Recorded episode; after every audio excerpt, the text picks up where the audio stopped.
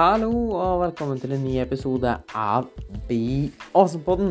I ukens episode tar jeg med meg noen lytterbrev, eller ett lytterbrev av en mann som sliter litt. Og jeg håper du får, kan kanskje ta med deg noen takeaways herifra. Og hvis du sitter igjen med spørsmål, eller hvis du har lyst til å være gjest, sånn som vi hadde i forrige uke, der du får egentlig en individuell kostholdsveiledning og kan stille med alle de spørsmålene du vil, så er det bare og gi meg en lyd om det. Og før jeg glemmer det, så setter jeg veldig veldig stor pris på om du kan gi podkasten en vurdering. Uh, gi en fem stjerner på Spotify eller iTunes. Abdomer på den. Ta telefonen til mora di og bestemor di og abdomer på den. De bruker det uansett ikke. I minst gi meg en vurdering der. uh, ta telefonen til vennene dine og gjør det samme. Kom an, vi må få opp de tallene. Vi vil ha mer. Mer. Mer er bedre. uansett, jeg håper at du liker denne episoden, og at du får med deg noe nyttig. Og jeg setter alltid fint på konstruktive tilbakemeldinger. Og med det så ønsker jeg en god lytt.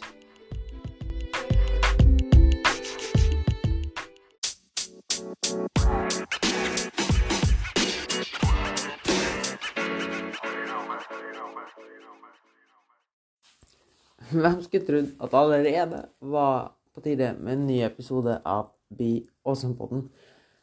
Jeg synes egentlig det er ganske utrolig hvor fort uken bare fyker av gårde. Det er kanskje en eneste, men uh, disse her ukene har gått som bare rakkeren, synes jeg i hvert fall jeg. Uansett, det, du har ikke kommet for å høre åssen i forhold til uken har gått. Eller kanskje du har det. Kanskje du skal begynne å innføre sånn ukentlig værrapport. Så Stavanger nå så har det vært eh, ganske ambivalent, skulle jeg til å si. Det har vært eh, fem minutter med regn, og så har det vært fem minutter med solskinn. Og slik at det egentlig hele uka har vært. Så regnjakka har vært, har vært ute 24-7, men skal ikke klage. På den måten blir det i hvert fall billigere strøm. Så det vi skal ta for oss i dag, er jo da noen spørsmål fra en mann. Og jeg har fått en del spørsmål fra han. Og jeg tenkte egentlig på at jeg skulle lese spørsmål etter spørsmål og svare spørsmål etter spørsmål. Så det første spørsmålet er jo da Hei, jeg er en mann på 47 år som har lenge vært støttemedlem på EVO, men ønsker å få ut fingrene og endelig få gjort noe med kroppen min. Det, det vil si slanke meg og bygge synlige muskler. Jeg, vil, jeg blir jo ikke akkurat yngre, og jeg har veldig dårlig holdning etter ti år foran datamaskin. Men det er litt skremmende i det hele tatt å møte opp, og, og da er jeg redd for å se dum ut eller være, inne, eller være ineffektiv. I tillegg um, I tillegg så leser jeg at man bla, bla, bla. Uh, ja, i tillegg så leser Beklager. I tillegg så leser vedkommende at det er viktig å ha riktig teknikk for å ikke skade seg, og for at det skal være mest mulig effektiv. Uh, og det gjør jo da at det er lett utsette hele greia, for det er så mye ork, og man tør ikke å starte og sånne ting. Han har vært, vært på treningstur tidligere, men alle gangene har det bare vært i en måned eller to før det stopper opp. Med andre ord aldri vært lenge enn nok. Eh, sånne perioder hadde han i 2004, 2010, 2014 og sist 2020. Og ingen av de gangene tok jeg tak i kostholdet. Jeg føler jeg, jeg, jeg føler jeg på et sted i jeg føler jeg er på et sted i livet nå hvor jeg, kan, hvor jeg endelig kan gjøre noe med det. Så mine spørsmål er 1. Vil jeg så å si være nybegynner igjen når jeg starter opp på nytt? Altså vil jeg få beginner gains? Det hadde vært kult. Eller gjelder det bare for yngre? Vi kan ta det spørsmålet først, siden jeg allerede har lest en del. Ja, du vil få såkalte newbie gains. For dem som ikke vet hva det er, eller beginning grains, så handler det rett og slett om at hvis man ikke har trent styrke før, så er man veldig, veldig følsom for styrketrening i starten.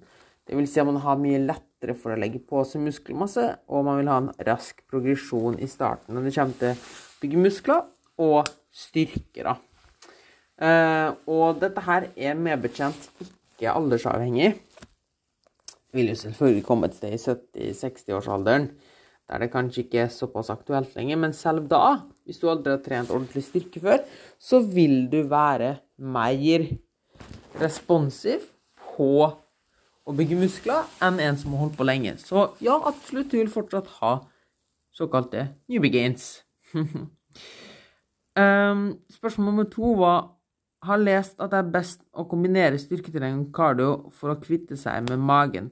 Cardio er enkelt nok å forstå, men hva med styrketrening? Jeg Har lest at markløft, knebøy og benkpress er ideelt her.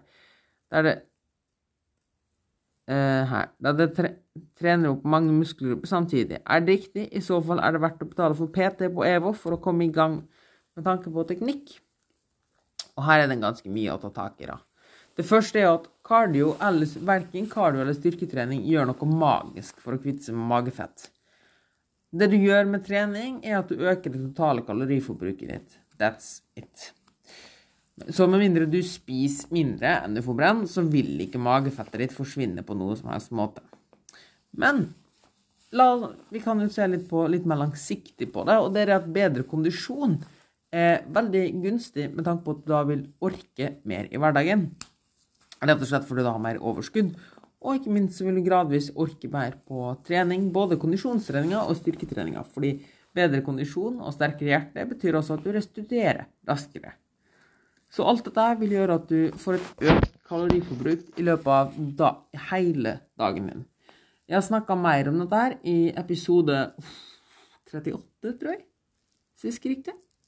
Uansett, et eller annet melkesyre, bla, bla, bla, trening, et eller annet, bla, bla, bla. Jeg linker til han i shownotes. Sånn. Um, ja. Så, og så er det jo mange positive helsegevinster med det, å trene kondisjon generelt. Styrketrening er jo selvfølgelig også utrolig flott, og med tanke på målene dine, så er det kjempeviktig å bruke tid på dette her. Men igjen så er ikke det noe magisk for å kvitte seg med fett. Um, men det det gjør, er jo da at hvis du spiser et kaloriunderskudd, altså du spiser mindre kalorier enn du får brenn så vil det å trene muskelmasse gjør, nei, trene styrke gjør at du beholder muskelmasse, og heller taper fett. Eh, faktisk kan du også oppnå, siden du er nybegynner, vil du også kunne oppnå noe som heter body recomposition. Eh, altså endre kroppssammensetning. Og det er ikke det at muskelmasse blir gjort om til, nei, at fett blir gjort om til muskelmasse, for det går ikke. Det som skjer, er at kroppen henter energien den trenger til å leve, fra maten litt fra maten du spiser, men primært, og litt fra fettmassen din. Så la oss si at du har forbruk på 2000 kalorier, så henter kroppen 1500 kalorier fra maten du spiser. Og så henter han 500 kalorier fra fettmassen din. Så du bryter ned fettmasse. Og så la oss si at du spiser 2000 kalorier. Det er jo da på vedlikehold, men det samme gjelder også hvis du har et lite underskudd.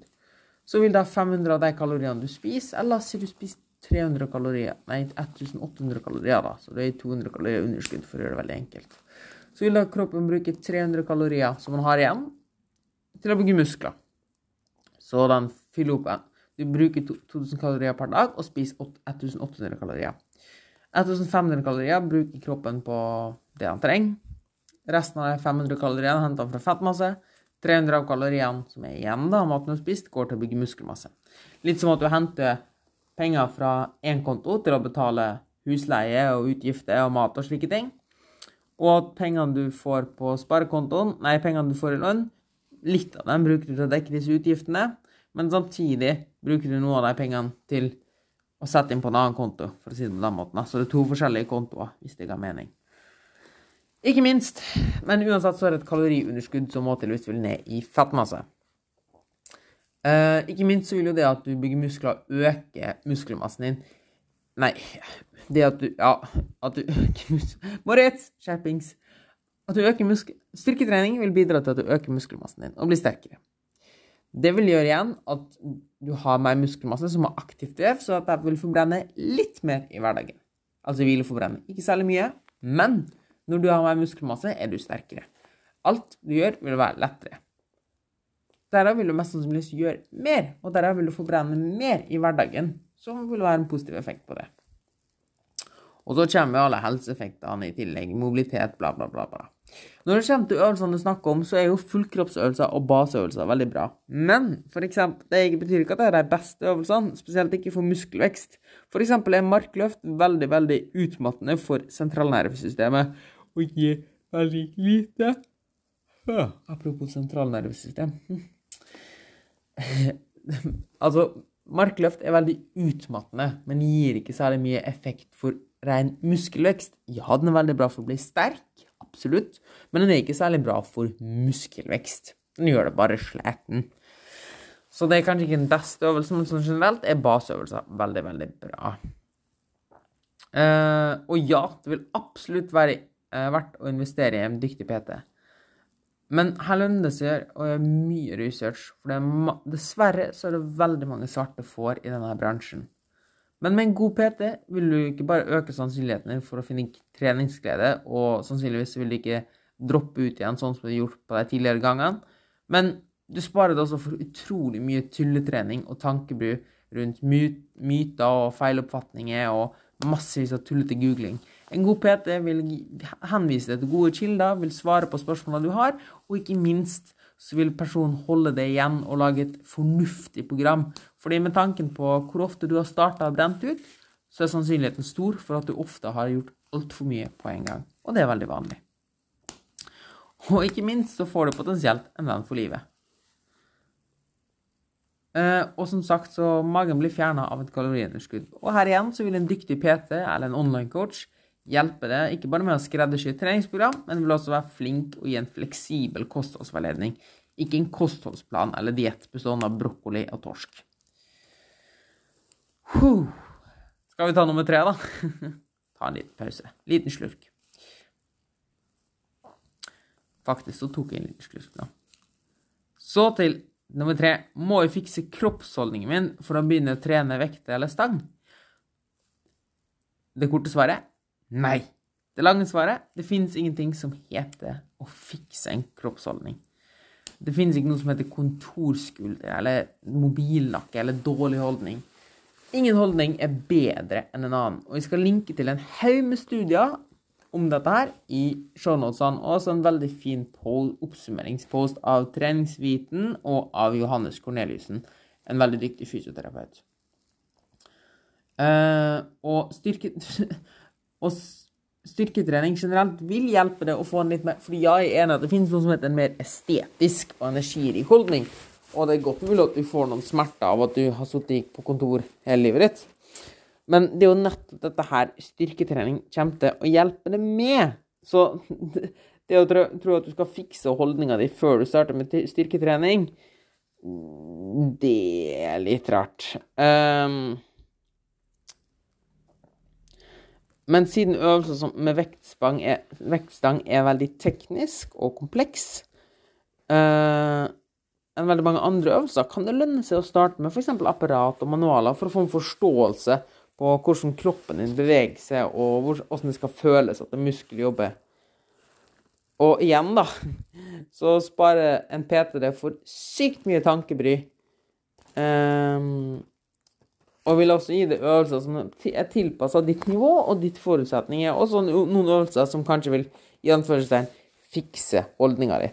Men det å tro at du må gjøre noe før du begynner med styrketrening, er litt som at du skal koke egg før du skal steike omelett. Det blir veldig rart og gir ikke mening. Jeg glemte forresten en liten ting på nummer tre, og det er at cardio- og styrketrening at dette skal bli kombinert. Og det at gjør det som er viktigst for deg først.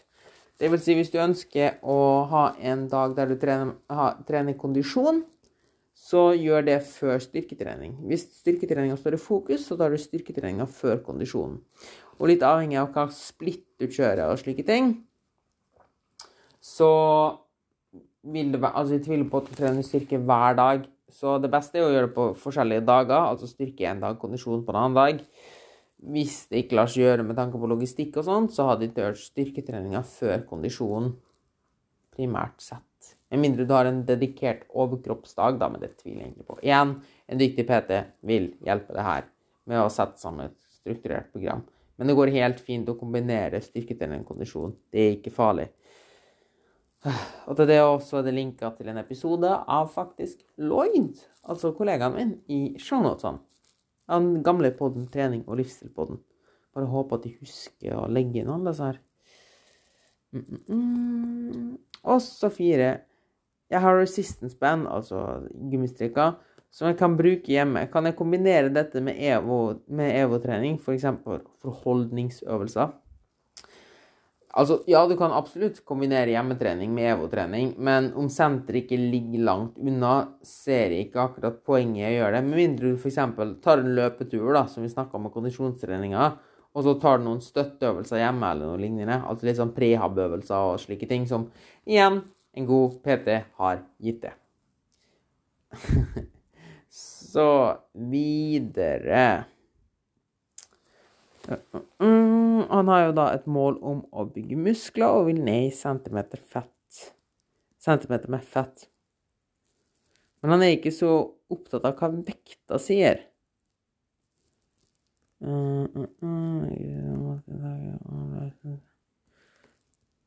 Ja, og så har han da begynt å registrere matinntaket sitt via livesum.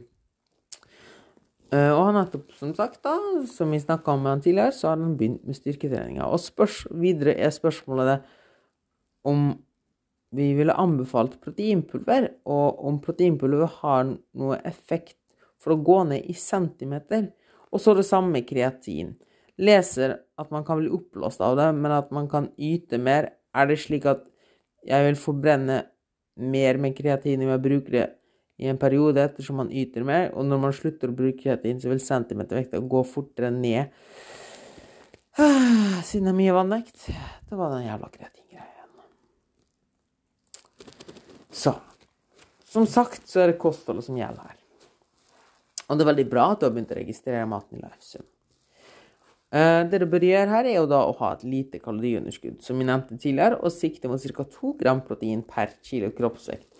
Det også vil være viktig med nok søvn og som sagt strukturert styrketrening med fokus på progressiv overbelastning. Eller altså sakte, men sikkert løfte mer vekt eller belaste kroppen mer på en annen måte. Slik at kroppen stadig må tilpasse seg i form av å bygge mer muskler. Um, når det kommer til proteinpulver, så er ikke det noe magisk. Protein er rett og slett en matvare med mye protein. Og jeg skal linke til en Instagram-post jeg har lagd om dette her i shownotesene, der jeg tar opp noen vanlige myter rundt protein. Men det vil på ingen som helst gjøre noe magisk for at du går ned i centimeter i kroppen. Altså i, på midjen og sånn. Og det er altså generelle ting. Jeg vil fortsatt å veie med daglig som ett av flere verktøy. Rett og slett fordi hvis progresjonen står stille på ett sted, så kan du se på andre steder etter progresjon. Så fortsett å veie det, helst daglig. Det, og drit i det daglige tallet. Det er ingenting å si. Du skal se på snittvekta på sikt. Så jeg ville absolutt veid meg i stedet for å bare ta centimetermålinger, for det kan også fort være ganske misvisende. Og som sagt, proteinpulver er bare matvare med mye protein. Når det kom til spørsmålet om kreatin, så hadde de bare anbefalt å ta 5 gram kreatin monohydrat hver dag resten av livet. Når på dagen du spiller når på dagen du tar det, spiller egentlig ingen rolle, og hva du tar det med, stille, spiller egentlig ingen rolle. Eh, men jeg hadde droppa å ta det med kaffe, fordi det er noen studier som viser at det hindrer opptaket. Eh, og det du kaller oppblåst og slike ting, er svært sjelden når du tar vanlige doser. Folk som blir oppblåst, tar ofte, ofte på med sånne tullete loading-faser der en tar kjempemye kreatin over en liten periode for å liksom fylle opp lagrene sine veldig fort. Og da er det veldig vanlig å bli oppblåst og vond i magen. Men tar du bare fem gram daglig resten av livet, så vil veldig lite skje. Hvis det skulle bli litt uggen i magen, så kan du bare ta det uh, før du legger det. Eller til mat. Og du legger heller ikke på det fett eller blir veldig full av vannvekt når du tar kreatin. Det som skjer, er at kreatin øker eh, vannet intramuskulært, altså inni muskulaturen din. Så hvis noe som helst, så vil du rett og slett se mer muskuløs og biff ut når du tar kreatin. Ikke noe mer enn det. Kanskje det vil gjøre noe med centimetermålingene, men jeg tviler egentlig veldig på det. Og jeg hadde egentlig bare begynt med kreatin, og så bare etablert de tallene du får, både på vekt og centimeter, som ny baseline, siden du tar det resten av livet. Helst, da. Og ja, det vil absolutt hjelpe det, siden du yter mer. Men det er ikke noe magisk. Vi snakker 1-2 Og igjen så skal jeg linke til en Instagram-post om dette her i shownotesene. Sånn, det blir mye shownotes nå. Skal vi se Så fortsetter vi her.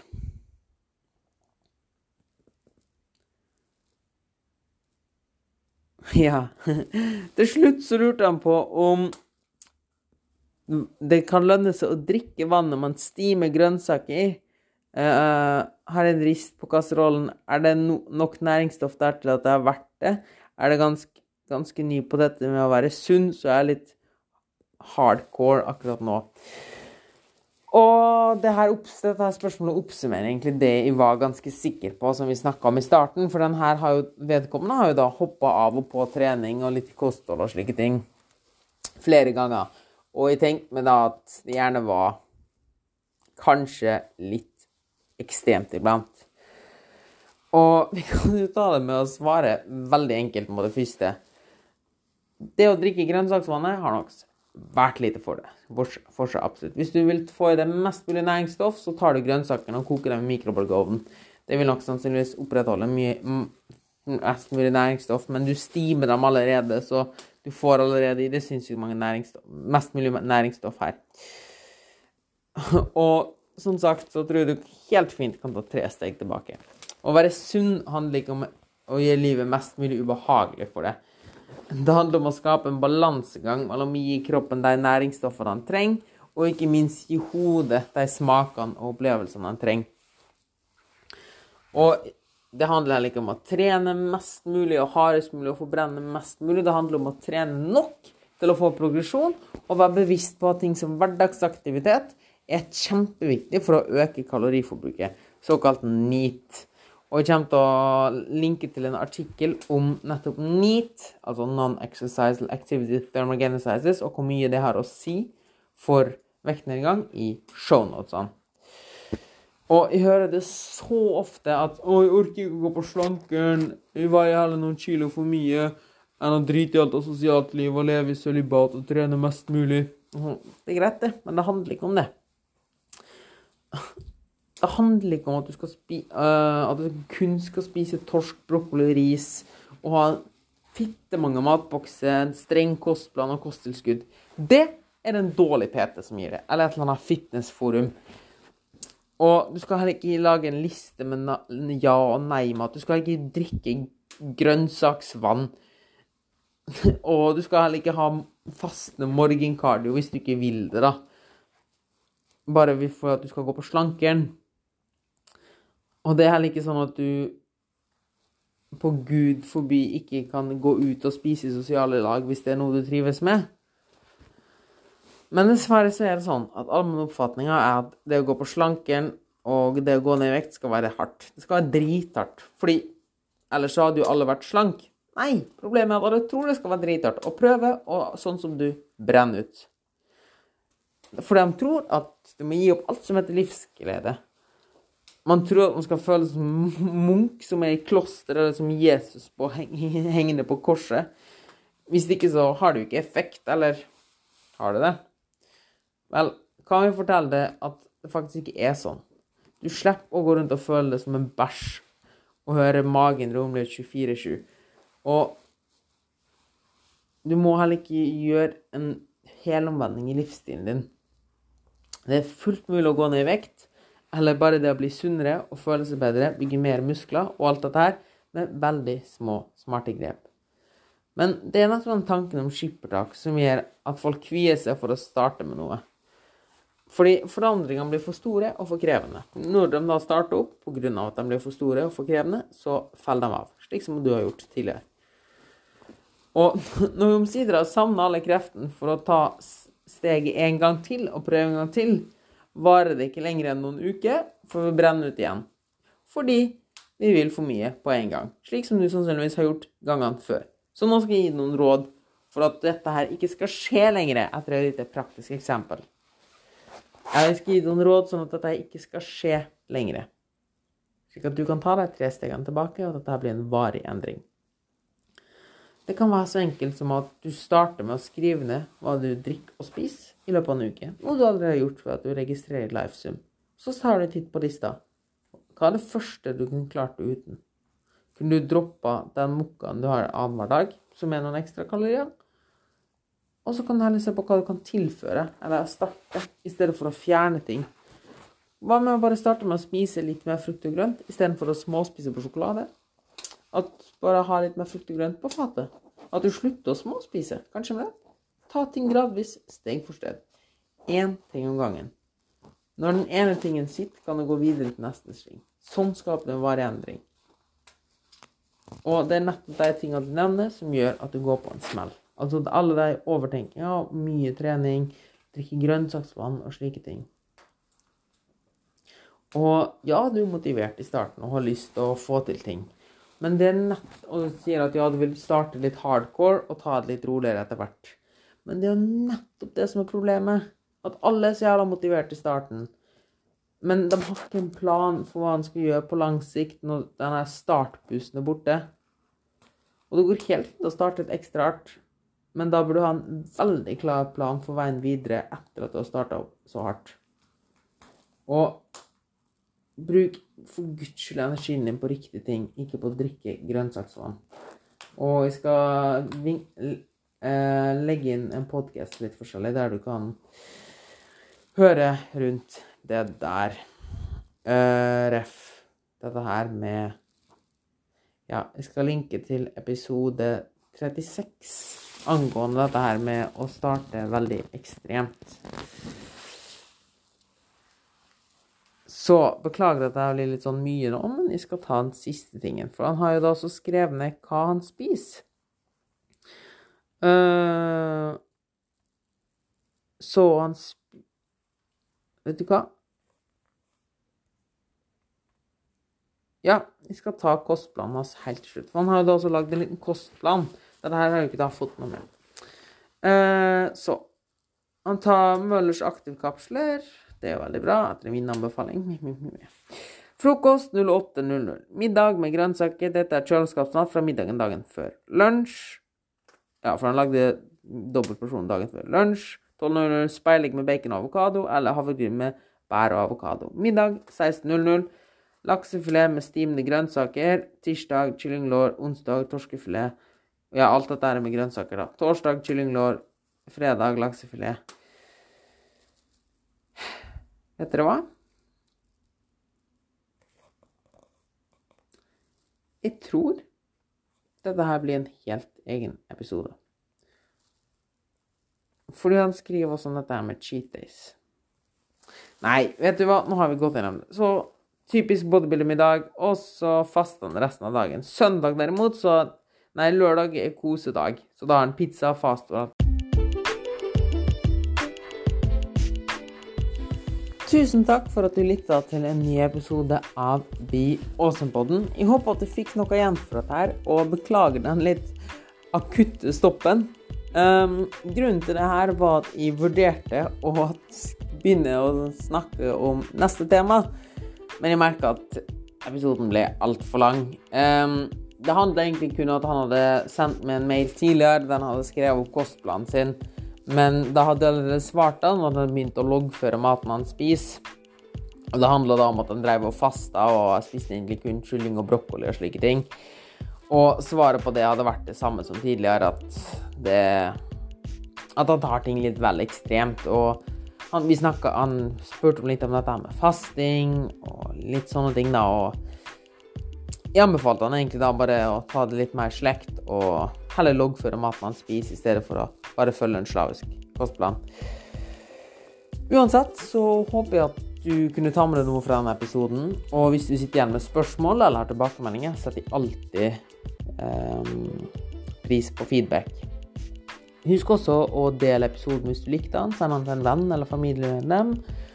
Uh, husk å subscribe på poden hvis du likte den. Og ja, vil egentlig bare si at hvis du har forslag til gjest, eller du ønsker være gjest, så må du også bare si fra om det på moritz.ptservice.no, eller ta kontakt på Instagram, eller hva det nå skal være. Og um, sist, men ikke minst, så har jeg også ledige coachingplasser både i Stavanger og online, så bare kontakt meg igjen på moritz.ptservice.no for å få mer informasjon angående det og få en helt uforpliktende første konsultasjon. Og med det så er det kun én ting som er igjen, og det er å si gå og ha en awesome uke. Tullu!